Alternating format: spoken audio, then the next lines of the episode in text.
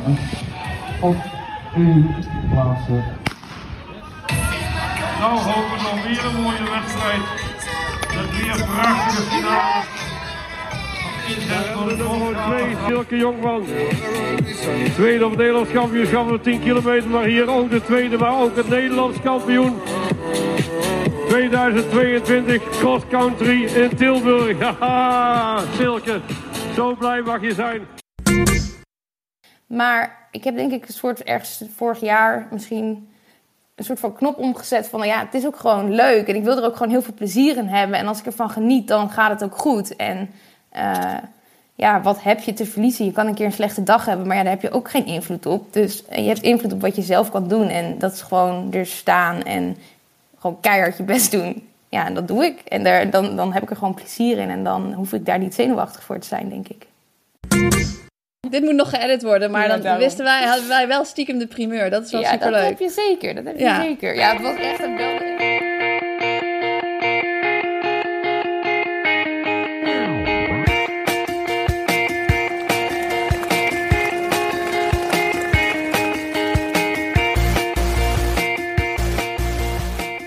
Welkom bij de 78ste aflevering van Suzy Q&A, de podcast over hardlopen, training en wedstrijden. Ik ben Iman Muller en vandaag hebben we Silke Jonkman te gast, de kerstverse Nederlands kampioene cross. Ze won gisteren haar allereerste nationale titel tijdens de veranderloop in Tilburg. En aan de andere kant van de lijn, de koningin van de hardloop selfie filmpjes op de Hilversumse heide, daar is ze, Susan Clemens. Ja, doe ik goed hè. Mensen die vragen dat altijd aan. Hoe doe je dat toch? Ja, ik weet het niet. Het is, eh, ik heb goed geoefend. Ik heb genoeg kilometers ervoor gemaakt dan. Ja. Ja, een van, die, een, van die personen die dat altijd vraagt ben ik. Want ik, als ik mezelf niet zie en ik ga filmen, dan, dan zie je de lucht of de grond. Maar jij hebt nog wel Ja. een redelijk stabiele hand. Nee, als je hem op fisheye zet, dan pakt hij heel veel mee. Dus dan draai je hem gewoon eventjes snel om. Maar je wilt natuurlijk wel eerst laten zien waar je loopt. Maar eh, ja, je hebt me live in actie gezien, hè? dus je weet hoe snel ik dat doe. Ja, ik heb je live in actie. En van de week zag ik, volgens mij was je met Andrew eh, ook ergens op de hei. Ja, Ehm, ik zie wel dat als je dan begint met filmen, dan versnel je volgens mij ook je, je, je looppas. Want je begint altijd achteraan en aan het Ja. eind van de video ben je Andrew voorbij. ik laat hem dan even voor. Dan geef ik hem zeg maar een soort van valse hoop dat hij me kan droppen. Maar dat kan natuurlijk niet. Dat snap je ook. mooi, Ja. mooi, mooi. Heb je een lekkere week gehad? Ja, een lekkere week gehad. Eh, dit weekend ook eventjes bij de veranda gekeken. Was ook wel weer leuk. Was ik eh, ja, wel onder de indruk van alle races en zo. Dus eh, ik vind het altijd toch weer een mooi crossseizoen. Dat is echt dat is wel een beetje de start van de winter natuurlijk. Maar, maar ja, je hebt heel lang heel veel gecrossed volgens mij. Ook in Amerika, maar ook nog in Nederland volgens mij. Ook in Nederland. Ja, als junior deed ik gewoon dit hele, hele crosscircuit. Jij ook of niet? Ja, dat was een soort, een soort verplichting, want de hele groep ging. Ik was niet een groot liefhebber van crossen. Ik heb me altijd maar aan vastgehouden dat ja, van crossen word je sterk. Ja, Eh, goede training. En de t- tijd doet er niet toe. Het is gewoon eh, lekker rachen, maar het is niet mijn, eh, Niet je specialiteit. mijn, mijn specialiteit, zeg maar. Ik ben meer van het, van het asfalt en gewoon rechtdoor. Ja, ik snap het. Ja, ik, was er eigenlijk best wel goed in, hè, totdat ik eh, met de crosspensioen ging vanwege moeilijke Achillespezen. Maar in Amerika, NCA, daar loop je dan, heb ik natuurlijk vier jaar gezeten en dan loop je dan steeds zes kilometer. Maar dat zijn ook van die wedstrijden waar gewoon, nou ja, honderden meiden aan de start staan, weet je. Zo'n NCA cross, ik weet niet of je daar iets van hebt meegekregen, want het is... In, in Nederland eh, hebben niet zoveel mensen het over, maar iedereen die in Amerika heeft gezeten en heel Amerika, nou, die zijn helemaal in de band van NCA Cross. Want er staan dus gewoon 250 atleten tegelijkertijd aan de start. En die, dat, dat parcours is natuurlijk wel breder dan zo'n verandecross bijvoorbeeld. Maar het is nog steeds, met 250 ga je eigenlijk op zo'n punt af. En ik weet nu niet hoe het parcours van dit jaar eruit zag, maar het parcours wat ik ieder jaar daar heb gelopen, dan was het eigenlijk pas na een kilometer of zo pas de eerste bocht. Dus je hebt echt een rechtstuk van een kilometer. En dat liepen we dan ook gewoon eh, de eerste kilometer zo onder de drie minuten of zo, weet je wel. Het keihard sprinten. Want als je geen goede positie hebt, ja, dan kun je daarna niet nog even 150 mensen gaan inhalen, weet je wel. Dus eh, dat is echt wel, eh, dat is wild. Ja, ik zag op de Insta van, van Veerle Bakker, die derde werd in de race van Silke. Ja. Ehm, twee foto's naast elkaar inderdaad. De start van de verande en de start van de NCAA. En ja, dat is wel, eh, ja, het is gewoon een soort op hol geslagen kudde genoes. Ehm, wa- wat in, eh, in de, bij de veranderloop wel voor problemen zou zorgen met die boom. Na, nou, wat is het? 100, boom. 150 meter. Ik heb de boom er nog even opgezet voor Suzy Q&A. Ja, de welbekende, iedereen die wel eens bij de veranda heeft gelopen, kent die boom inderdaad. Staat gewoon echt midden op het parcours na, wat is het, na, na, na 20 meter of zo? Echt best wel snel al. Eh, iets verder toch? Ik dacht wel 100 of zo, of zo snel al, ja? Nee, het is best wel snel hoor. Het is wel echt nog dat je helemaal in de starthouding zit. En met die, met die kids en zo, dan ben ik altijd wel bang dat iemand de, de boom gaat missen. En dan zal ongetwijfeld wel iemand een keertje tegen de boom zijn gelopen. Maar het is wel een goede plek voor de fotograaf en de starter om te staan. Dus eh, die staan dan toch een soort van beschermd, maar wel in het midden. Dus eh, ja, de boom die staat er nog. Die mag natuurlijk ook nooit weg, dat snap je wel. Dat is gewoon echt wel onderdeel van het parcours. Ehm, Hey, en, in, en in mijn tijd ehm, was... Ja, ja, ik, ik word oud, hoor je dat? Shit. Eh, was nee, ik moest meer eigenlijk- lachen over de platblazers hier. Het is, eh, we hebben een beetje, eh, beetje achtergrondgeluid, maar dat komt goed.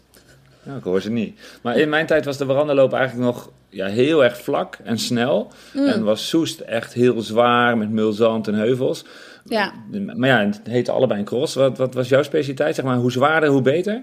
Ja, hoe zwaarder, hoe beter. En ik vind ook eigenlijk wel voor een echte cross moet je naar het zuiden. Je moet, echte crosses bestaan niet in het noorden, weet je wel. Dus je moet je toch echt wel naar, naar, naar Brabant of Limburg. Dat waren wel de beste, beste crossparcours, vond ik altijd. En in België natuurlijk. En Brussel is dan mijn favoriet. Want dat was echt met zoveel modder.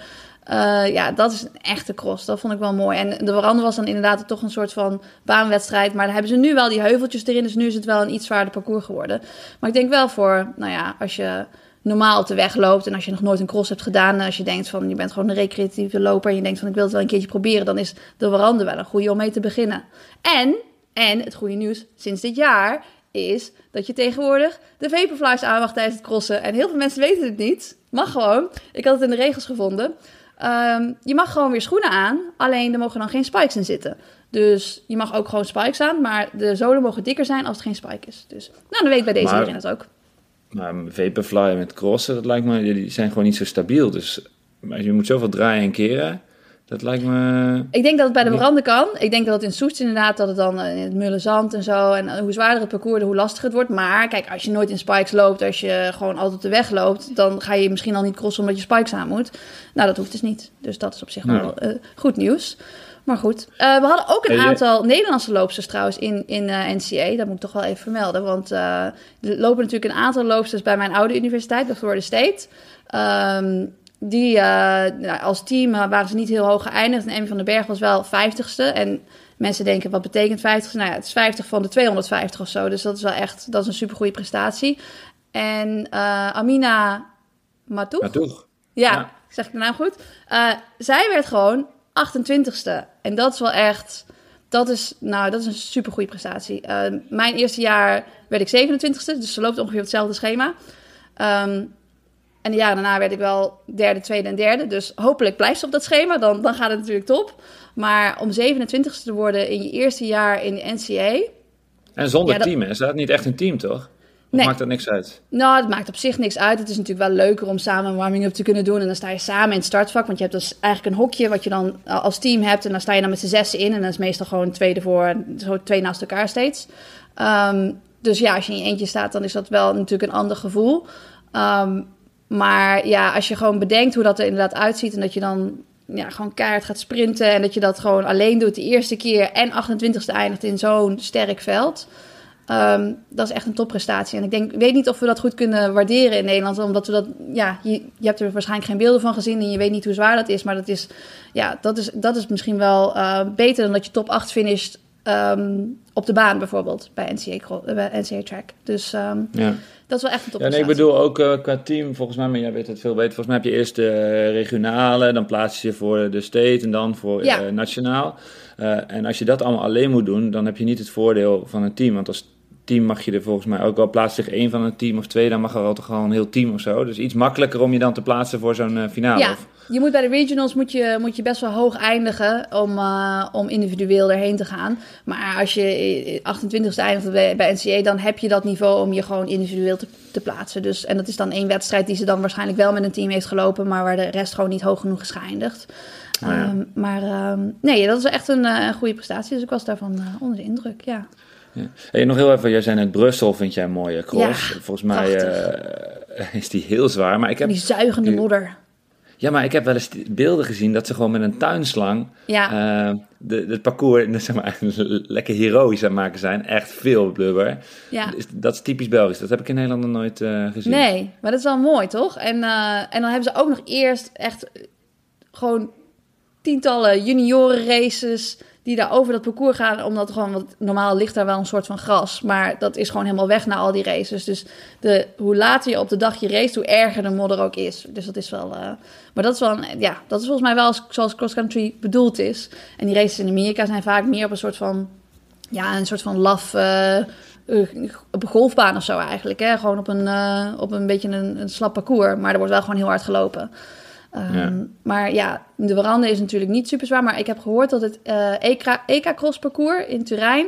dat dat wel een zwaar en bijzonder parcours is. Volgens mij gaan ze ergens nog door een gebouw of zo. Ik weet het allemaal niet precies, maar het is... eh, Oh, ja, dus eh, het is natuurlijk nog even afwachten wie er allemaal heen gaan. Maar eh, nou ja, dat eh, wordt denk ik wel een bijzonder om die te volgen. zometeen even aan Silke vragen of het voor haar ook hoe zwaarder hoe beter is. Ja, Hey, ik weet nog, mijn, mijn allereerste cross... ehm poeh, hoe oud zou ik zijn? allereerste, De- de- ja. Mijn allereerste cross, ik werd zeker geen eerste. Ehm toen had ik sp- spliksplinter nieuwe schoenen. ehm, Ja. Die ik natuurlijk nog mooi wilde houden. En toen was ik natuurlijk... eh, ja, ik stond heel, heel... Ik had zin, ik stond heel vroeg aan de start. Ook veel blubber. Nee, je voelt hem aankomen. En toen ging eindelijk een startschot. En toen ging ik weg, maar bleven mijn schoenen... Of één schoen achter in de modder. Oh, meteen janken Eh, natuurlijk. dus ik weer terug, die schoenen aandoen, sokken helemaal onder de modder. Ja, was echt een, ik denk dat daar mijn, eh, mijn liefde voor het crossen niet helemaal... eh, Oh, wat een drama. Ja, weet je wat ik vroeger Ja. wel heel mooi vond? Dan kwam je over de finish en dan kreeg je meteen zo'n nummertje in je hand gedrukt. En dan Oh, mocht je daarna ja. op, de, op de tafel, mocht je dan met het nummer, dat, er hoorde dan een cadeautje bij. Weet je, dan ging je dan ophalen. Dat was in België altijd. En eh, in, in, eh, van, van het was het in ieder geval bij de Warande. Ik weet niet bij anderen of dat ook zo was. Ehm, en dan kreeg je van die random dingen. Maar ik heb het daar wel eens eerder over gehad. Toen kreeg ik die camera met de Tinkerbell op de lens. En die mocht ik nog van moeder niet gebruiken. Omdat dan op iedere foto zou er dan een Tinkerbell in de hoek staan. maar ik heb die dus nog steeds. Dus die wilde een keertje meenemen op vakantie of zo. Maar eh, dat was wel altijd leuk dat je dan daarheen ging naar die tafel met al je, met al je teamgenootjes. En dat je dan ging kijken wat je dan kreeg voor je nummertje. En het was helemaal niet zo dat als je hoger eindigde, dat je dan een beter cadeau kreeg. Dus ik weet nog wel dat er een keertje een jongen was in ons team die best wel hoog was geëindigd. En echt een goede cross had gelopen een keertje bij de Warande. Ehm, oh, volgens mij was het trouwens in België deze. In ieder geval, had goed gepresteerd. Dus hij dacht, nou, ik ga nu even mijn grote cadeau ophalen. En toen kwamen we eraan en toen kreeg je dus een boodschappenkrat. Was Kevin en zijn boodschappenkrat. Dus dat, is, ja, dat zullen we nooit meer vergeten. Maar misschien dat daarom die dingen niet meer gebeuren. Omdat kinderen toch een beetje teleurgesteld waren als ze dan een boodschappenkrat kregen. Maar ja, bij ons was het wel een beetje gekoppeld aan, eh, aan hoe hoog je eindigde. Want ik had ja? altijd het idee dat het een soort cashpakketten van het jaar ervoor waren die opgemaakt werden aan prijzen. Ja, nee, Ik dus heb- het is wel een soort van recycling eigenlijk. hè. Eigenlijk is het denk ik wel goed.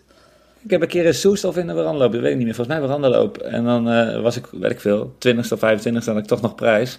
En toen heb ik een, zo'n, zo'n rieten mat voor op je bijrijderstoel in de, in de auto gewonnen. Ja, ik, ik was 15 Heel of blij 16, mee. dus ik, ik had er niks aan. Jij meenemen in de trein. Eindelijk prijs, god. Ja, mooi is dat. ja, Ja, maar nee, wel mooi. Het wel- sfeertje, Ja, dat wilde ik ook zeggen inderdaad. De crossen is wel gewoon het is een hele, hele andere sfeer. En nu was het nog niet zo koud. Maar als het echt koud is en dan, als je dan als supporter er staat... even erwtensoepje erbij of warm chocomel. En ja, weet niet, het, het heeft wel iets, iets, iets heel leuks, vind ik. En ik denk dat heel veel eh, lopers die alleen maar te weglopen... die kennen die sfeer helemaal niet. En die, het is eigenlijk een beetje vergelijkbaar natuurlijk met het fietsen... met eh, als ze gaan crossen, dat, eh, ja, dat is natuurlijk wel iets drukker meestal. Maar het is, het is daar wel mee te vergelijken. Dus ik vind het altijd wel mooi. ja, ja, mooi onderdeel. Ja, Leuk. Hey, en ehm, ik had mijn, eh, mijn zoontje heeft ook zijn allereerste cross gedaan hier in, eh waar was het? In Amersfoort. Ehm, en dat is ook wel mooi om te zien. Eh, dan starten de jongens en de meisjes nog samen. ja. En het zit er toch al een beetje in dat de jongens willen gewoon niet verliezen van meisjes. Maar zeker op die leeftijd eh, zijn meiden gewoon vaak Ja, eh, nou, groter ook misschien trouwens altijd wel motorisch sterker. Ja. En al, eh, dus eh, hij kreeg... oh, ja, werd verslagen, hij werd verslagen door meisjes. Dat was, eh, dat was jammer. Maar eh, nee, wel echt mooi. Ook al zo, zo jong als ze dat doen. En het voordeel is, bij zo'n baanwedstrijd duurt best wel lang. Meerdere onderdelen lang wachten. En cross is gewoon, je komt aan. Je doet gezamenlijk met al die kindjes eh, warming up. En het is Ja. eh, warme chocolademelk. Ja. je prijsje halen. En, en, Ik kan papa nog even een lange duurloop erna doen. Hè? Ja, of heen of, heen of teruglopen. Ja, precies. mooi, mooi. Nee, is mooi. En dat is, eh, België is wel veel meer nog de cultuur, maar in Nederland is toch wel, zijn wel veel crossjes hoor in de winter. Ja, nee, is ook wel mooi. Dus eh, ja, ik ga niet, niet, niet een comeback op de cross maken. Maar ik vind het wel mooi om, eh, om te supporten. Het was erg leuk. Ja. Oké, nou zullen we zo Silke erbij roepen. Volgens mij haar allereerste Nederlandse titel. Sowieso een heel mooi jaar gehad. Dus laten we haar er eens even bij roepen. Oké, komt ze. Nog verrassender geworden. Dames en heren, de nieuwe Nederlandse kampioen, Silke Jonkman. Vorig jaar ook aan podium hier op de derde plaats. En toen kenden we haar nog niet zo goed. Maar nu kennen we ze heel goed. Dames en heren, geef ze een geweldig applaus.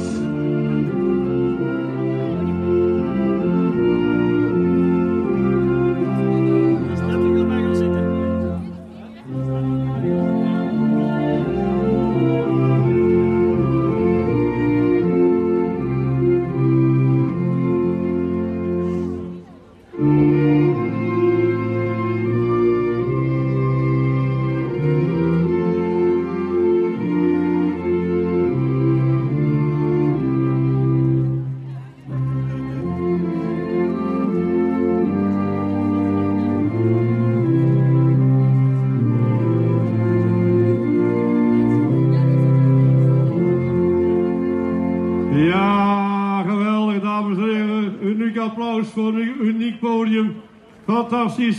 Heel mooi. Silke Diana Verelen.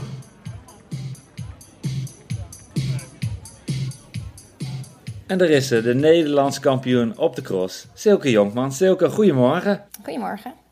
Allereerst gefeliciteerd. Vorig jaar tweede op een paar seconden zag ik. En dit jaar de winst. Eh, hoe, hoe voelen de beentjes? Nou, ik heb eh, vanmorgen al even eh, gelopen, dus eh, nou ja, op zich wel eh, prima.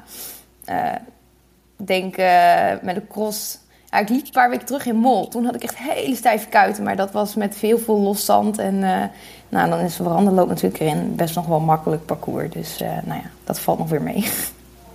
Ja. Hey, en eh, veel, eh, veel mooie reacties gehad. Ik zag, ik zag op jouw eh, story gisteren dat de buurman even langs was geweest. Ja, echt super lief. Ja, ik wo- ik woon ehm, nou, zeg maar, ik heb een soort bovenwoning en beneden ons wonen mensen die wonen met begeleiding, zeg maar. En nou ja, die man die, hij had ook al gezien, hij, was, hij, hij heeft zelf volgens mij vroeger ook ooit hard gelopen. En het had in de krant gestaan dat ik de 4 mijl een paar weken terug had gewonnen. En toen zegt hij, oh, jij loopt hard, wat leuk. Nou, eh, en toen was hij ook al, toen had hij een fles eh, Hema bubbels eh, zonder alcohol, kan hij vertellen, langsgebracht. en nu zei hij, ja, ik heb weer in de krant gezien en je hebt het weer zo goed gedaan. En nou, ja, je moet wel weten, mijn gezondheid staat het niet toe, maar ik ben je grootste fan. Oh, leuk. Super lief, ja, Ja. echt heel leuk. Dus, eh, en het was een, was een chocoladeletter of wat was het? Ja, chocoladeletter en eh chocoladekruidnoten. Nice. Kijk, Ja. nou, lekker toch. Zeker. Hey, maar hoe, eh, hoe, hoe ging je race? Hoe eh, ja, ging het helemaal... want ik, volgens mij... ehm eh, Veerle liep een eventjes, eventjes voor je, maar daarna Ja, Veerle ging was hard dat weg. veel solo. Ja, ja. Ja, de verschillen waren denk ik, nou, aan de ene kant, ja, nou, misschien, het, het was redelijk duidelijk, denk ik, vrij snel in de tweede ronde, derde ronde. Ehm, hoe ging mijn race? Ja, ik had wel verwacht dat het een harde wedstrijd zou worden. Sarah deed natuurlijk ook mee en daar liep ik ook in Mol toen tegen. En nou, die maakte er toen ook echt wel een harde wedstrijd van. Nou ja, plus wat ik zei, Waranderloop is natuurlijk een redelijk makkelijk parcours. Dus wordt sowieso vaak wel hard gelopen. Ehm, nou ja, en ik wist dat Diane in goede doen was. eh want die had natuurlijk een hele harde zevenheuvelloop gelopen. Dus eh, ja, ik had met eh Eddie, Eddie uh, Kiem was mijn coach... eh, ja, we gewoon besloten, we, we willen gewoon proberen te winnen. Gaan gaan lopen voor winst. Dus het wordt gewoon heel hard weg en gewoon mee. En dan zie je wel waar het schip strandt. En op zich weten we dat ik over het algemeen... Ook al ben ik halverwege helemaal kapot... Ik, op een of andere manier loop ik, het wel, wel, loop ik het wel door. Dus dat is vaak de beste strategie om gewoon hard weg te gaan en dan vol te houden. En uh, nou, dus eigenlijk was het nu hetzelfde. Ik moet wel zeggen dat Veerle op een gegeven moment echt wel wegliep met Sarah. Maar ik mijn focus iets meer op Diana had gericht. Dus ik denk, nou, we lopen hier. Want ik vond het zelf echt wel hard gaan. Eddie zei tegen mij van... Uh, nou, uh, waarom ging je eigenlijk niet met, uh, met Veerle mee? Ik zei, nou ja, het ging, het ging echt heel hard.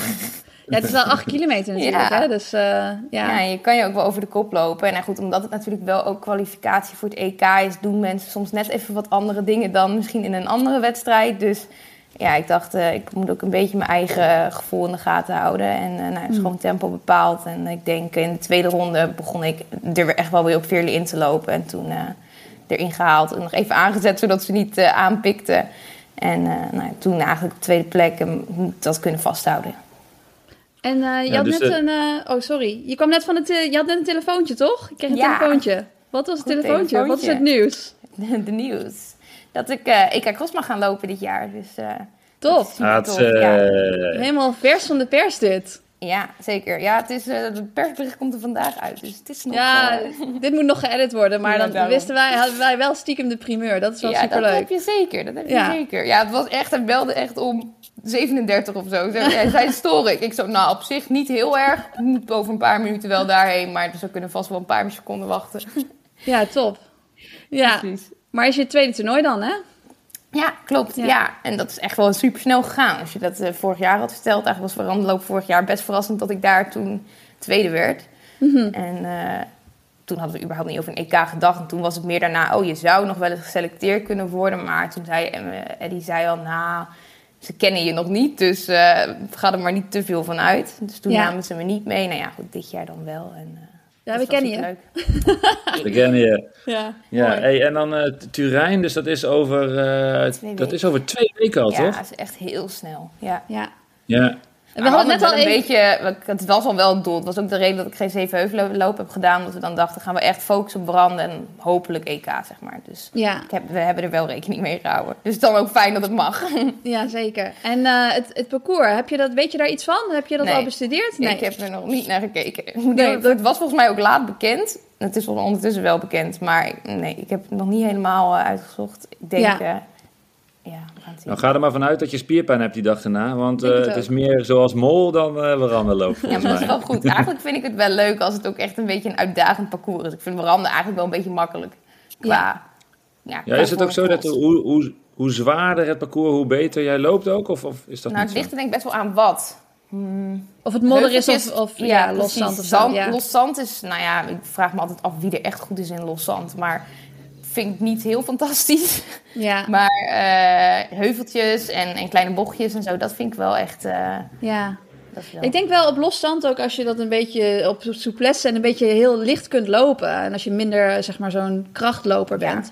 Dan kun je daar natuurlijk je voordeel mee doen. Iedereen gaat natuurlijk langzamer lopen. Maar Ja. ja, ja je techniek een beetje aanpassen of zo. ja, klopt. Ja. We gaan het zien.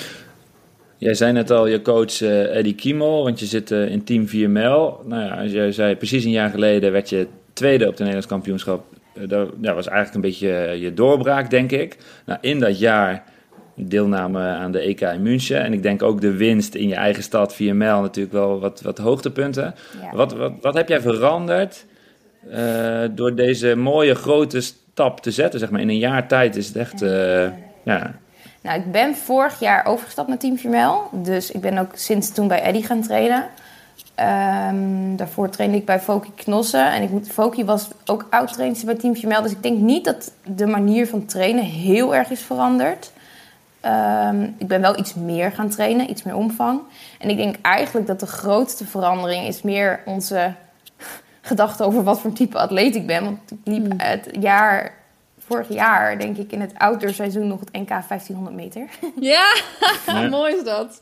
Van de 1500 naar de 10.000. Lekker Ja. sprong. Ja, ja, dus ik denk vooral dat we... Nou ja, ik liep vorige winter wat wegwedstrijdjes... en die, die gingen eigenlijk allemaal gewoon wel goed. En toen op een gegeven moment dachten we... nou, misschien moeten we toch eens gaan kijken... hoe die lange Ja. afstand je afgaat. En nou, toen eh, eigenlijk inderdaad... Ik denk vanaf... Nou, we gingen in mei op trainingsstage naar Portugal. En toen hebben we bedacht... oké, we gaan kijken of we een 10.000 kunnen doen... en hoe dicht je dan bij de limiet kan komen. Nou, eigenlijk moet ik zeggen... we, wouden, we dachten dat de limiet nog een beetje snel was... We dachten misschien via rankings kun je het wel halen.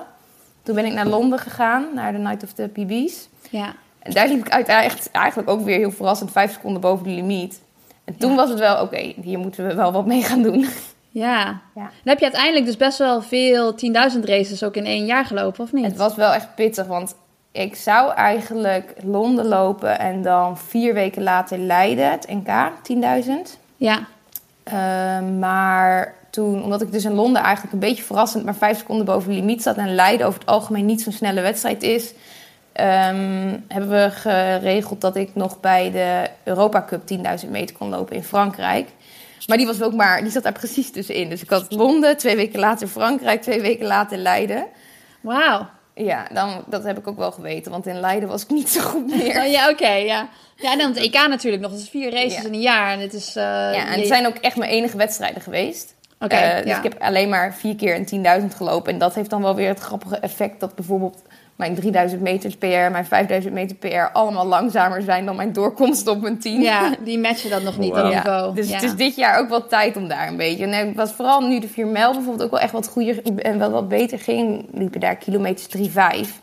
Toen was het wel van, nou, dan moet je ook wel een hardere 5 gaan lopen. En eh, Ja. er zit ook nog wel iets van snelheid in, zeg maar. Dus, Ja. het En langer? Zeker met, Sorry? En, en langer?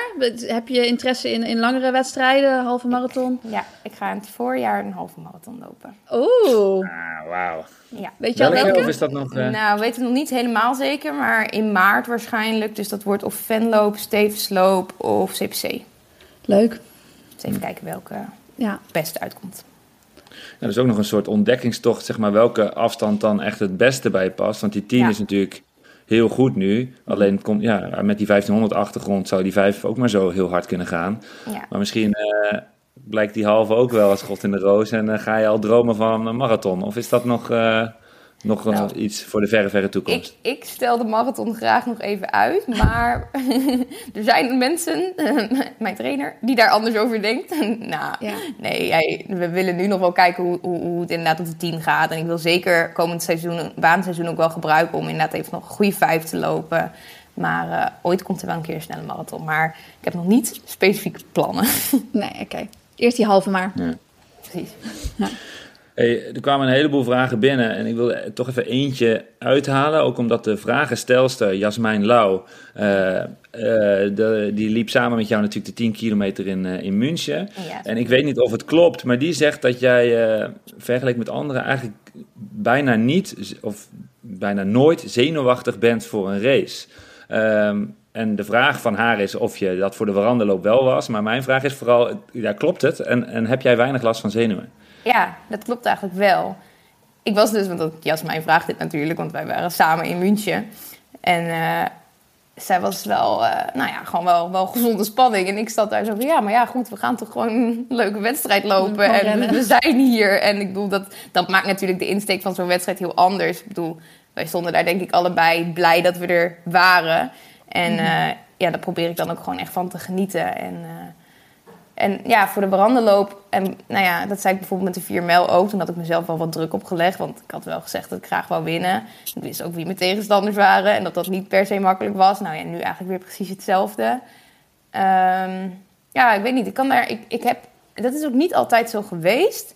Maar ik heb denk ik een soort ergens vorig jaar misschien een soort van knop omgezet van nou ja, het is ook gewoon leuk en ik wil er ook gewoon heel veel plezier in hebben en als ik ervan geniet, dan gaat het ook goed. En eh, ja, wat heb je te verliezen? Je kan een keer een slechte dag hebben, maar ja, daar heb je ook geen invloed op. Dus eh, je hebt invloed op wat je zelf kan doen en dat is gewoon er staan en gewoon keihard je best doen. Ja, en dat doe ik. En daar, dan, dan heb ik er gewoon plezier in en dan hoef ik daar niet zenuwachtig voor te zijn, denk ik.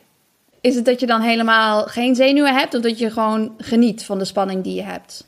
Mm, nee, ik denk eigenlijk... Nou, ik ben wel heel gefocust, maar echt spanning is het niet. Ja. Nee, en dat, is wat ik, ja, dat heb ik niet altijd gehad. En waarom dat nou precies zo is, soms denk ik ook een beetje meer gezonde wedstrijdspanning is misschien best goed. ja, dat vraag ik me dus af. Of je denkt dat je er soms te relaxed aan de ja, start nou, dat staat. denk ik soms wel. Maar ja. Ja. goed, het is wel iets van het afgelopen jaar. En het is het afgelopen jaar best goed gegaan. Dus blijkbaar eh, kan ik het ook zonder Ja. best wel goed managen. Nee, ik denk, ik denk dat dat de beste manier is om een race in te gaan. Want eh, als de wedstrijd eh, echt spannend begint te worden... en als je scherp moet zijn, dan ben je dat toch vanzelf. Ja. Het is echt niet dat En je aan slaap gaat het vallen. ook. Ja, en het maakt ook wel heel veel uit wat voor wedstrijd het is. Want weet je, wees zo handen loopt, dan heb ik echt een doel voor ogen. En dan heb ik die zenuwen dus ook blijkbaar niet nodig om wel heel gefocust te zijn. Want dat ben ik echt wel. En eh, ja, weet je, als je dan een ander wedstrijdje... We lopen hier in het noorden bijvoorbeeld ook wel eens een wedstrijdje. Een paar weken terug hadden we plantsoen lopen. En toen zei iedereen ook, oh, je loopt daar echt als een blij ei rond. En dan denk ik gewoon, ja, maar ik loop hier ook gewoon omdat dat ik dat leuk vind. En eh, ja, dan heb ik die spanning ook helemaal niet. Maar goed, dat is ook een hele andere insteek natuurlijk. Ja, leuk. Hm. Hey, en eh, nou ja, nu dus ehm, eh, alles op, eh, op de EK in eh, Turijn over twee weken. En Ja. als ik het goed gelezen heb, ga je daarna weer naar Kenia, toch? Ja, klopt. En dat, wordt je, dat is dan je tweede, keer Kenia? keer. Ja, vorig jaar was ik er ook. En eh, dit jaar ga ik ietsjes langer. Ik ga eerst alleen heen. Uh, Jill Hotteman is er al wel, dus nou, dan zitten we daar twee weken samen. En dan komen er nog wat teamgenootjes van mij in januari. En was het vorig jaar de eerste keer dat je daarheen ging? Ja. En, en meteen zo hoog? Ben je wel eens eerder op hoogte geweest? Of was dat de eerste het hoogste was ook best ervaring? wel, nee, dat was echt best wel een experiment. Ik moet heel eerlijk zeggen dat het alsnog dit jaar wel een beetje een experiment wordt. Want ik ben vorig jaar bijna de hele tijd daar geblesseerd geweest. Dus ik heb weinig hard gelopen. Wel veel gefietst en op de crosstrainer gestaan. Dus. Ik wou zeggen, wat doe je daar? Want er is ook een zwembad, toch? Of niet? Wat heel koud Ja, water heeft of zo? nou, ik, heb daar mensen niet wel geweest. gehoord. Ja, ik heb er ook wel eens wat van gehoord. Ik ben er niet geweest. Ik ben ook helemaal geen zwemmer. Dat kan ik Oh, echt ja. niet. Ja. Maar eh, ik heb wel, we hadden een, zo'n eh, home trainer bij onze accommodatie staan. Dus daar kon ik best wel goed op fietsen. En dat was op zich wel mooi, want die stond precies in de wifi-plek. En dan had ik, zocht ik altijd een slachtoffer om mee te bellen. en, Nice. en dan eh, ging ik een uurtje fietsen en dan ging ik weer bellen. Dus ik heb iedereen heel veel gesproken terwijl ik daar zat. Ja, leuk. Maar nu Eh, rennen dus, dat is toch wel het mooi. is wel nu wel het doel om eh, wat meer kilometers te maken en ook iets meer van de omgeving te zien. Want dat Ja. zie Want hoe lang ga je in totaal? Eh, zes weken. Oh, wauw. En, eh, en dat is dus in, in voorbereiding op, op, op die halve of op het Ja, nieuwe seizoen ja. eigenlijk. En eh, NK Ja. 10 in school. Dat wordt ook wel. Ah, ja. ja, wil ik ook gaan doen. Hey, en je zegt daarna komen teamgenootjes. train, jij, train, train jij veel met teamgenootjes en dan vooral met mannen? Of, of doe je ook veel alleen? Hoe, hoe is dat bij jullie in de team? Ja, er zijn best wel veel gezamenlijke trainingsmomenten, maar het is niet voor iedereen precies hetzelfde, omdat wij ook denk ik een heel divers team zijn. We hebben sprinters, we hebben heel veel 800 meter lopers, we hebben wat marathonlopers. Nou ja, en dan heb je mensen zoals ik die er een beetje tussenin zitten misschien. Ehm, dus er zijn verschillende trainingsmomenten voor verschillende nou ja, atleten. Maar op de dinsdag en de donderdag is wel de algemene baantraining. En nou ja, die heb ik niet altijd op mijn programma staan, maar wel vaak. Meestal wel. En dan zijn de meeste er ook. En ehm, nou, op dinsdag doen we vaak dan lange intervallen. Dan loop ik vaak inderdaad in een groepje met wat mannen. We hebben ook eh, wat nieuwe junioren erbij, dus dat is ook wel leuk, want daar kan ik wel goed mee trainen. En eh, op donderdag hebben we dan wat meer tempowerk. Als in nou ja, 300'tjes, 400'tjes, soms 200'tjes. En dan loop ik vaak dus net weer, en dat is denk ik ook het mooie aan zo'n team. Dan loop ik vaak dus wel weer met, met wat vrouwen die dan wat van de kortere afstand komen. En nou ja, dan heb je daar weer een mooie combinatie. En natuurlijk, ja, weet je, in de zomer doen we wel weer wat meer alleen, omdat het dan wat specifieker wordt. Ja. ja, en daarnaast veel duurloopjes. Dat zijn denk ik toch wel mijn meeste trainingen. En ja, nou ja, zoals nu vanmorgen heb ik ook al gelopen. Dat doe ik eigenlijk meestal 's ochtends wel altijd alleen. Want dat vind ik ook wel lekker. Dan ga ik gewoon, sta ik op en dan ga ik de deur uit, denk ik niet na. En dan kom ik thuis en dan heb ik het maar weer gehad, zeg maar. Dat vind ik ook altijd wel weer lekker. Ja. Eh, maar we hebben ook wel groepsappen met, met inderdaad allemaal mijn eh, teamgenootjes. Van, oh, wie wil er nu nog een duurloopje doen? Wie gaat er zo meteen nog een duurloopje doen? Dus zo doe je ook wel weer heel veel samen. Ja. Ja, en dan krachttrainingen is eigenlijk hetzelfde. Dus we hebben vaste krachtmomenten met het team. En dan kun je inschrijven op welk tijdslot je dat wil gaan doen. En dan zijn er eigenlijk ook altijd wel andere mensen. Dus dat is wel heel gezellig. Leuk. Hey, we krijgen eh, bijvoorbeeld van Rob Viveen en Arne Mulder de vraag: wat is, de vraag, wat is jouw favoriete training? Wat, waar, waar- waar kijk je nou echt naar uit als, als training? Ik vind het dus echt altijd een hele moeilijke vraag. Want ik, vind, ik heb daar altijd een beetje een soort haat-liefde verhouding met, met, met trainingen. Ik vind hele zware trainingen kan ik dan van tevoren soms best wel tegenop zien. Dat je zeg maar heel specifiek bijvoorbeeld voor zo'n eh, ja, voor 10 kilometer heb ik wel iets van drie keer drie kilometer op, op wedstrijdtempo gedaan. Ja, dan, dan denk je, hoe ga ik dit volhouden, zeg maar. En dan van tevoren kan ik daar wel tegenop zien. Maar als je dat dan hebt gedaan, dan is dat natuurlijk wel een hele mooie training. En, Is dat je eh, zwaarste training ooit? Zo'n zo- drie keer drie? Je monstertraining? eh, nou, mijn zwaarste training ooit. En daar zijn dus nog hele leuke verhalen van. Oh yes, dat willen we wel horen. Dat was vorig jaar dus in Portugal. Toen we dus hadden besloten dat ik die 10.000 ging doen. En eh, een teamgenootje van mij, die niet met ons mee op trainingskamp was. Wij zaten in Monte Gordo en hij zat in Albufeira. Wij zijn, en toen ben ik met mijn eh, trainer, met Eddie, dus naar, naar hem toe gereden. Want hij was geblesseerd geweest, dus hij moest nog opbouwen. Dus wij konden mooi samen trainen. En dan konden we daar de omgeving even bekijken. Want misschien gingen we daar een andere keer nog wel heen. Nou, dus ik denk, nou ja, ik vind het allemaal goed als jij het zegt. Als dat een goede manier is om te trainen, gaan we dat doen. En eh, dus wij daarheen. En eh, ik weet niet meer precies. Volgens mij was het vijf keer vijf minuten op een soort crossparcours rondje. En eh, ik weet ook niet meer precies hoe hard het ging. Maar het was een beetje wedstrijdtempo en we bouwden het wat af, zeg maar. Nou, en ik was halverwege en ik was echt al helemaal kapot. Maar ja, goed, ik had Job, mijn, mijn teamgenootje, die, die liep voor mij en die moest eigenlijk gewoon mij meenemen. Het was eigenlijk een verpak, verkapte manier om gewoon als Job voor, ha- voor Silke als haast te laten functioneren, volgens mij. En Eddie was mee op de fiets en die zat naast mij van, oh, dit is je laatste stuk van je 10.000 meter. Je ziet de limiet wegtikken, kom op, kom op, kom op. Nou, moet ik zeggen, ik was halverwege echt al... Ik dacht, nou, ik weet niet of ik dit ga volhouden hoor. Nou ja, en eh, nou, ik heb het volgehouden. Maar ik finishte die training en ik lag daar echt op de grond. Het zei hij, ik heb jou nog niet vaak zo moe gezien. nou, later heeft hij nog wel eens gezegd... Ik heb wel eens getwijfeld of ik je toen had moeten stoppen. Want het, Ja. wel, het was wel heel zwaar. Nou ja, Ja. en nu elke keer is het... Was het zo zwaar als de Albufeira training? Nee, het was niet zo zwaar Nee, als heb de je iets om mee te vergelijken. Dat is wel mooi. Maar dat is natuurlijk wel het gevaar op zo'n crossparcours ook. Omdat je ja, op de baan kun je alles best wel goed meten met splits. En je weet eigenlijk precies hoe zwaar een training zou moeten voelen. Ja. Maar dan, ja, dat is ook wel weer het mooie aan crossen natuurlijk. Hè? Dus Ja, en dan, dat- soms vind ik dat ook wel lekker om het dan juist even uit de context te trekken en gewoon echt even op gevoel te lopen. En, Ja. ja. ja, soms ik vind het ook wel lekker om, om tempos op de weg te lopen bijvoorbeeld. Al loop ik dan ook wel graag op hartslag, want dan ja. dat vind ik ook wel weer Threshold? lekker. Threshold. Ja hoor, ja hoor, daar is hij weer. Daar is hij Heb ik weer. het eigenlijk voor het eerst gedaan. Wanneer heb je het voor het eerst gedaan? Ja, ik denk twee, drie weken terug of zo. Wij doen het eigenlijk niet zo vaak. Maar Ja. eh, toen, eh, we normaal hebben we op zaterdag nog parktraining. Maar ik, was, ik had wel echt wat flinke, flinke kilometers gemaakt. En we dachten, dat, ja, het was vorige week inderdaad. En eh, toen zei Eddie, nou doe maar even geen parktraining. Want je moet wel volgende week fit zijn bij de verandenloop. Ja. Ga dat maar doen. nou, dus Nou, dat was een goede, één groot succes, toch? Dus eh, moeten we vaker doen. Ja, hou hem erin. Want wat is, want wat is een, eh, een flinke trainingsweek, zeg maar? Dan krijgen we, ja, dat zijn lopers, hè, die willen allemaal die cijfers. Ja, die willen alle statistieken hebben. Ik wil het eigenlijk zelf ook weten hoor. Uh, Anne Zelstra en Vera de Vries vragen het ook. Hoeveel kilometer eh, maak je zo in, in, in aanloop naar de Warande en, en straks in Kenia? Wat zijn een beetje jouw eh, omvangweken? Ehm, nou ja, we, we fluctueren best wel heel erg. Ehm, maar twee weken terug liep ik mijn, mijn grootste week ooit. Eh, dat was 175 kilometer. Wauw, Dan moet ik zeggen dat dat ook echt wel... Dat, daar was ik ook echt moe van. Want ik zei, we hebben echt wel aan de rem getrokken daarna. En dat was ook wel echt een stukje meer dan, dan normaal. Ik denk meestal als ik... Zeg maar, een grote week zal meestal rond de 140, 150 zijn. Maar er zit ook echt week... Vorige week liep ik 70 kilometer. Dus ja, en dat is dan wel weinig, omdat we natuurlijk ook echt wel heel specifiek naar deze wedstrijd toe werkten. Ja. Ehm, maar ja, daar ergens tussenin. En meestal doen we een soort van cyclus met van drie, vier weken. Nou ja, dan 100, 120, 140. En dan zitten we weer een week van 100 tussen. Nou ja, een beetje iets, iets, iets in, die, in die richting. Ja, in Kenia, wat ik zeg, vorig jaar was ik geblesseerd. Dus toen heb ik weken van eh 20 kilometer gelopen. ik Oh, hoop ja. dit jaar iets meer te lopen, maar Ja. we gaan het zien.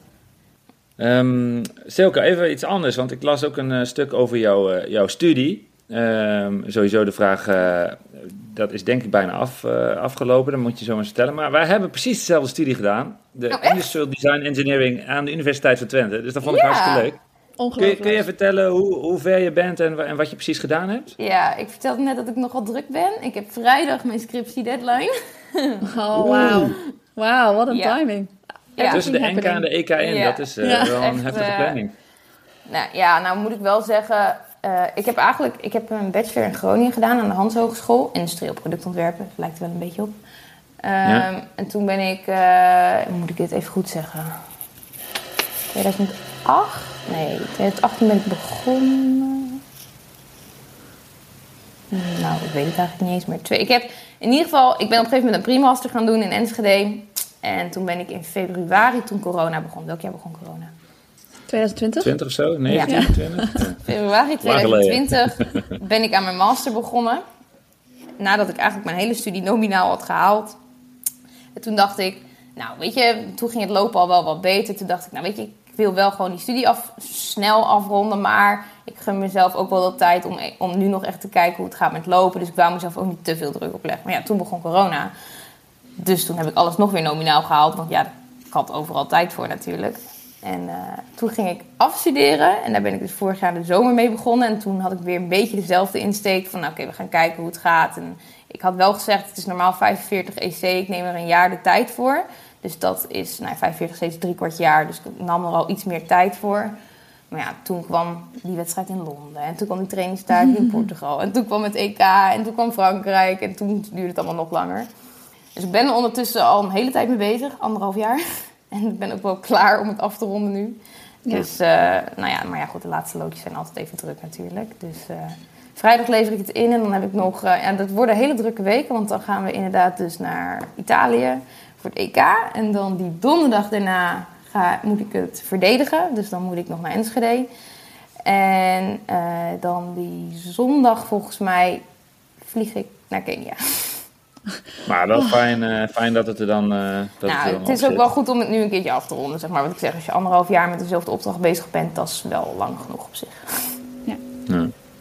Oké, en dan? Eh, Wat, eh, dan ga je even volledig op hardlopen richten? Of, of wat ga je, ga je Ja, ik weet, doen? ik weet nog niet helemaal precies hoe het vorm gaat krijgen. Ik, nou, ik, heb gezegd, ik, ik heb gezegd, ik ga eerst naar Kenia, ik ga afstuderen, ik ga naar Kenia en dan gaan we het wel zien. Ehm, ik eh, heb wel sinds, sinds het EK eigenlijk ongeveer de luxe dat ik een sponsor eh, aan mij heb weten te koppelen die eh, nou ja, wat financiële mogelijkheden geeft. Dus het- ik heb wel wat meer ruimte en eh, dat, dat scheelt wel. Dus ik hoef niet, het hoeft niet à la minuut aan, aan de slag, zeg maar. Maar ik denk wel dat ik iets erbij wil gaan doen. Want dat vind ik Ja. zelf ook wel lekker. Want merk nu ook wel, ik studeer vanuit huis. Ik zeg, ik ben heel ik zeg, wanneer we dit gingen opnemen, ik zeg, ik ben heel flexibel. Want ik ben eigenlijk altijd thuis. En dat, aan de ene kant vind ik dat wel lekker. Maar ik vind het wel lekker om ook iets te doen te hebben, zeg maar. Maar goed, hoe dat precies vorm gaat krijgen, weet ik nog niet precies. Maar eh, First En, things eh, first. Oh ja. precies.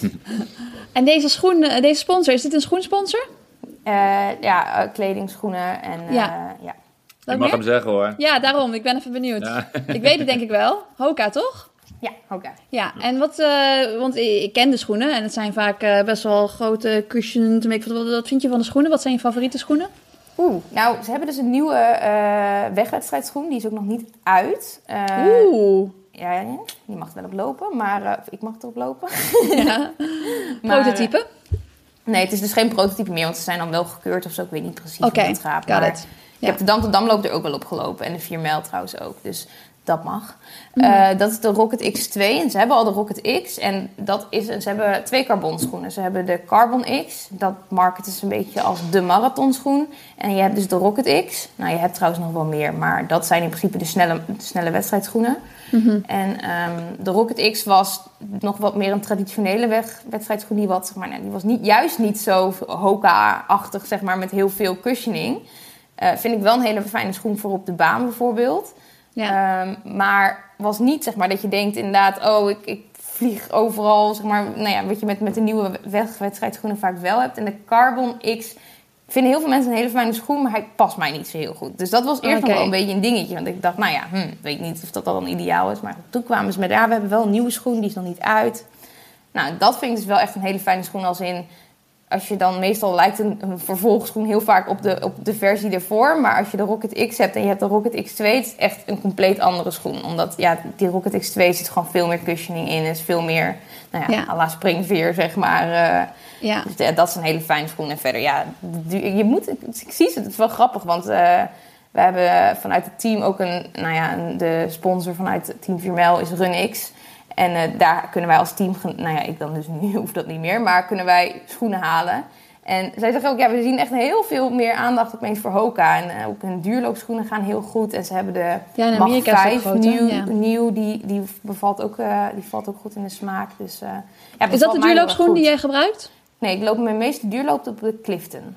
Oké.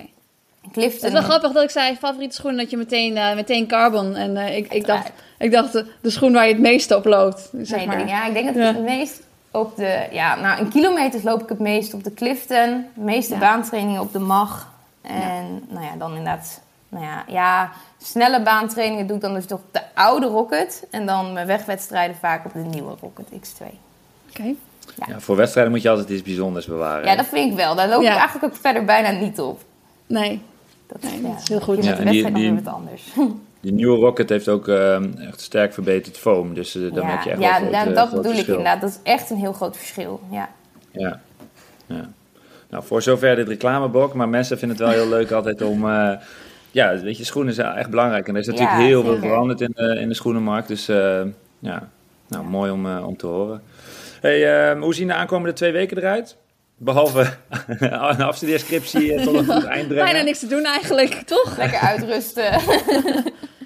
Nee, Nee, maar niet eh, heel veel. Ja, misschien deze week nog. eh, ja, je bent nu nog aan het herstellen, denk ik. ik. Kleine threshold, denk ik. precies, komt ergens toch tussendoor. Nee, ik heb deze week weer parktraining. Toch wel. Ja, deze week is Je hebt nog even. gewoon Ja. een beetje een, een normale week, zeg maar. Ik doe alweer wat, wat dubbele trainingen. Eh, maar de baantrainingen zijn niet al te hard volgens mij. Nou ja, zaterdag hebben we dus altijd parktraining. Dat is vaak dan nog wel een wat specifiekere training. Misschien dat we daar, omdat het een beetje à la cross ook, zeg maar. Misschien dat we daar nog wel iets specifieks gaan doen. Maar ik denk ook wel, heel veel teamgenootjes deden afgelopen dinsdag voor de veranderloop echt nog een specifieke training. Maar toen zei Eddie ook tegen mij, weet je, je bent gewoon goed. Dus we, we- je hebt je specifieke trainingen wel gehad. Eh, Ja. We doen gewoon rustig aan en je, nou ja, Ja. dan, dan komt het wel goed. Dus het zal niet heel, heel eh, bijzonder worden, denk ik. Oké. Zit aan de En je was natuurlijk, eh, die EK was dat al in je hoofd, maar je hebt pas net de bevestiging eh, gekregen. Ja. Eh, heb je ook een doel voor de, voor de EK? Wat, met wat voor idee ga je die kant op? hardlopen. Hardlopen. Ja. Ja, Dat vind ik ook wel lastig, want als je dan in zo'n internationaal veld staat, dan, nou ja, goed, een- aantal ken je natuurlijk wel, maar ook niet iedereen. Ik moet wel zeggen dat het dan scheelt dat je inderdaad op zo'n, met EK in München, dan, nou ja, 10.000 is natuurlijk wel een vergelijkbare afstand ook, dus er zullen wel watzelfde namen staan. Ehm, en dan heb je altijd wel wat mooie richtpunten natuurlijk.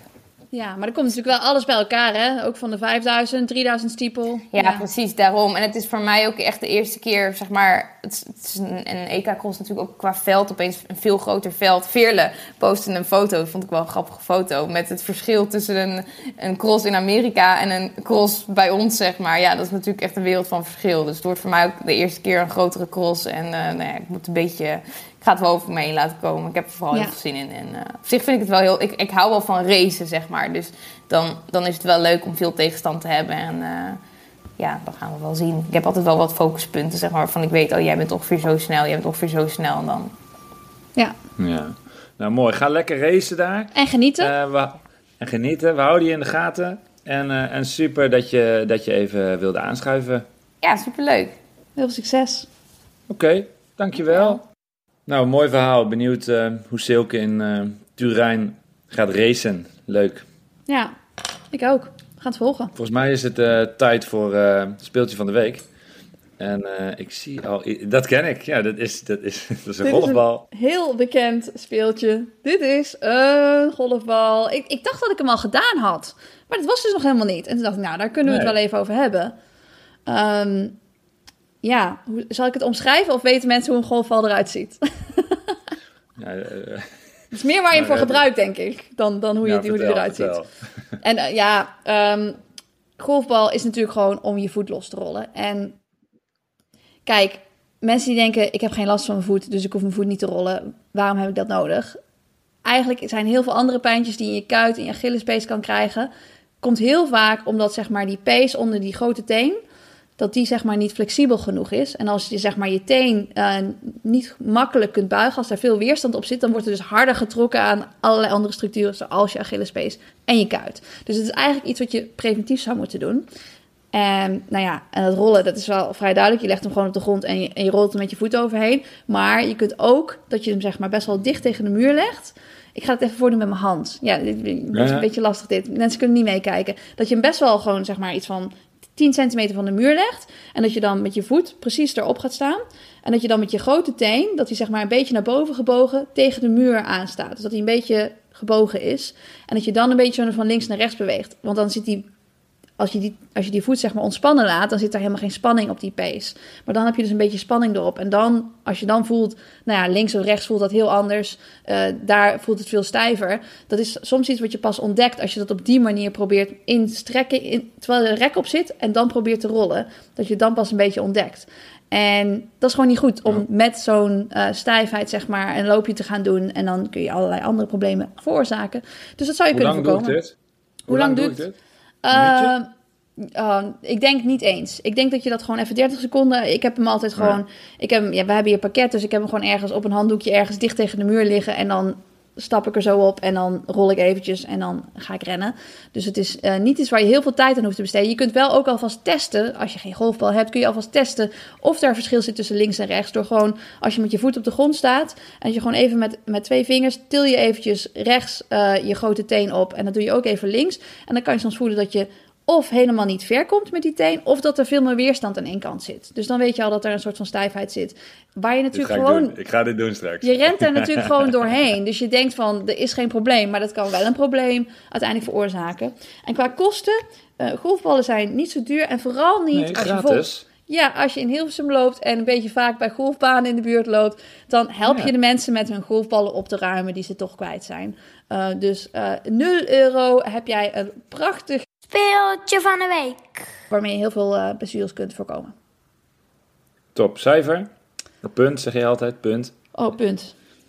Eh, nou, ik denk dat dit wel gewoon, dit krijgt een 9. Zo, jezus. Ja, ik vind het eh, Gratis sowieso. en nee, en dan nog, nog wel even een kleine toevoeging. Ik vind dat mensen te weinig liefde aan hun voeten geven. En vooral mensen die dan op van die nette schoenen de hele dag gaan werken. Waar gewoon helemaal geen support in zit. Waar de kaart aan die peesplaat wordt getrokken iedere dag. En dan ook nog eens niks met die peesplaat doen voordat je gaat lopen. Dat is gewoon echt een heel slecht idee. Eventjes rollen, gewoon 30 seconden. Veel liefde geven aan die voet, want je staat er toch de hele dag op. Nou, amen. Hartstikke mooi. Genoteerd. Ja, genoteerd. Ja. nou, dankjewel eh, voor Ja. deze, dit eh, mooie speeltje. Ja. Ga je nog wat spannends doen deze week? Eh, nou ja, ik, ga, ik, sta, ik heb, eh, zoals je ziet, mijn mijn loopkleren al aan. Dus ik ga zo eh, een rondje lopen. Nu is dat niet zo spectaculair, want ik loop wel vaak een rondje. Ja. Maar ik ga vandaag met een trainingsgenootje lopen. Ehm, en die is vandaag 30 geworden. En die heeft bizarre traditie dat hij het aantal, dus zeg maar zijn leeftijd in kilometers loopt op de dag dat hij jarig is. Ehm, dat, dat, dat doe ik niet, ga ik ook niet meer mee beginnen, want dat is wel... eh, Wanneer is hij daarmee begonnen? Dat vraag ik me dan af. Ja, dat weet ik niet. Ga ik vragen. Maar hij doet het al wel een tijd. Ik zie Ja. het trouwens wel vaker hoor. Dat meer, eh, dus dit, gaat, eh, dit is Lars. Lars is vandaag 30 geworden. En ehm, Gefeliciteerd, jongen. Een, deel, een deel van zijn duurloop doe ik mee. Ik ga er niet 30 doen, denk ik. Maar ehm, nou, wel een flink eind. Dus Tot wanneer gaat hij dit doen, denk je? Tot hoe oud? 42? Ja, dit, eh, ja, ik zou zelf dan wel eh, al lang gestopt zijn, denk ik. Oh, trouwens, ik zou wel Ja, maar even mijn, nog een marathon gewoon dan, toch? op, op, op mijn 42e jaar... eh, ik ben, als ik 42 en 195 dagen ben, dan is het drie dagen of vier dagen daarna Rotterdam. Dus die, die, ja, dat vind ik dan nog wel mooi. Nou, dat hebben ze speciaal voor jou gepland. Ja, precies. Ja. Maar ja, als je 50 wordt of 60, dan eh, denk ik dat het niet meer zo heel leuk is om eh, je verjaardag. Want dan kun je, kun je ook niet meer, kun je niet meer feesten daarna. Dan ben je denk ik helemaal. eh, Nee, lijkt me heftig. Ja. ja. Eigenlijk moeten we daar ook eventjes, eventjes met, je, met je bellen terwijl je aan het lopen bent, wat nog leuk is. Hoe ver ga je lopen dan vandaag? Een stukje, zei je. ja, nou, wel een flink stuk, maar net geen 30, denk ik. Want Oh, hij, hij oké. kon mij sowieso oppikken, dus hij heeft al een paar kilometer gehad. Maar heb ik je Ja, geïnspireerd? Eh, ga je dit ook eh, invoeren? Eh, je hebt me niet geïnspireerd. Ik, ik, ik ben daar al heel lang geleden mee gestopt. Ik ben daar al mee gestopt. op je Ik- tiende. Ah, op mijn 15 of zo denk ik wel. Maar ja, nee, dat is, ik doe dat al een tijdje niet meer. Dus, dus helaas, dat gaat het niet worden. Ehm, maar goed, voordat ik het vergeet te zeggen, ik heb dit weekend in Tilburg ook nog eventjes onze vriend van de show gesproken. En eh, Niels Leros. En hij werd eh, Nederlands kampioen.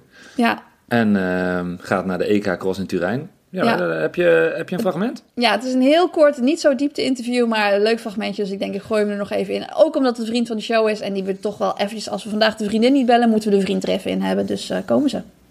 Hoe ging het vandaag? Ja, eh, best wel goed. Ja, ging het goed? Was het makkelijk? Nee, Nee? nee het was heel zwaar met twee eh Scandinaviërs voor me. Maar ik denk dat ik nog wel redelijk stand heb kunnen houden. Dus Denk best je- wel tevreden. Denk je dat je een sterke crosser bent?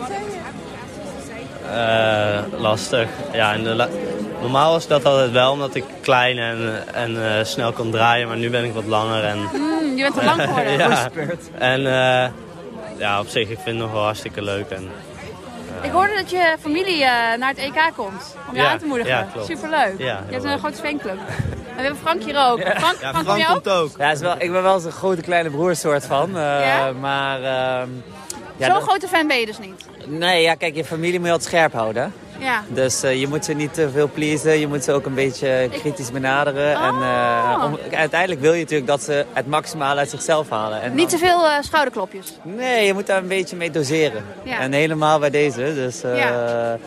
nee, ja, af en toe. Laatst kwam hij bij mij thuis eten en dan eh, vertel ik hem wel even de waarheid. Ja. Een beetje tough love van je grote broer. Ja, zoiets ja.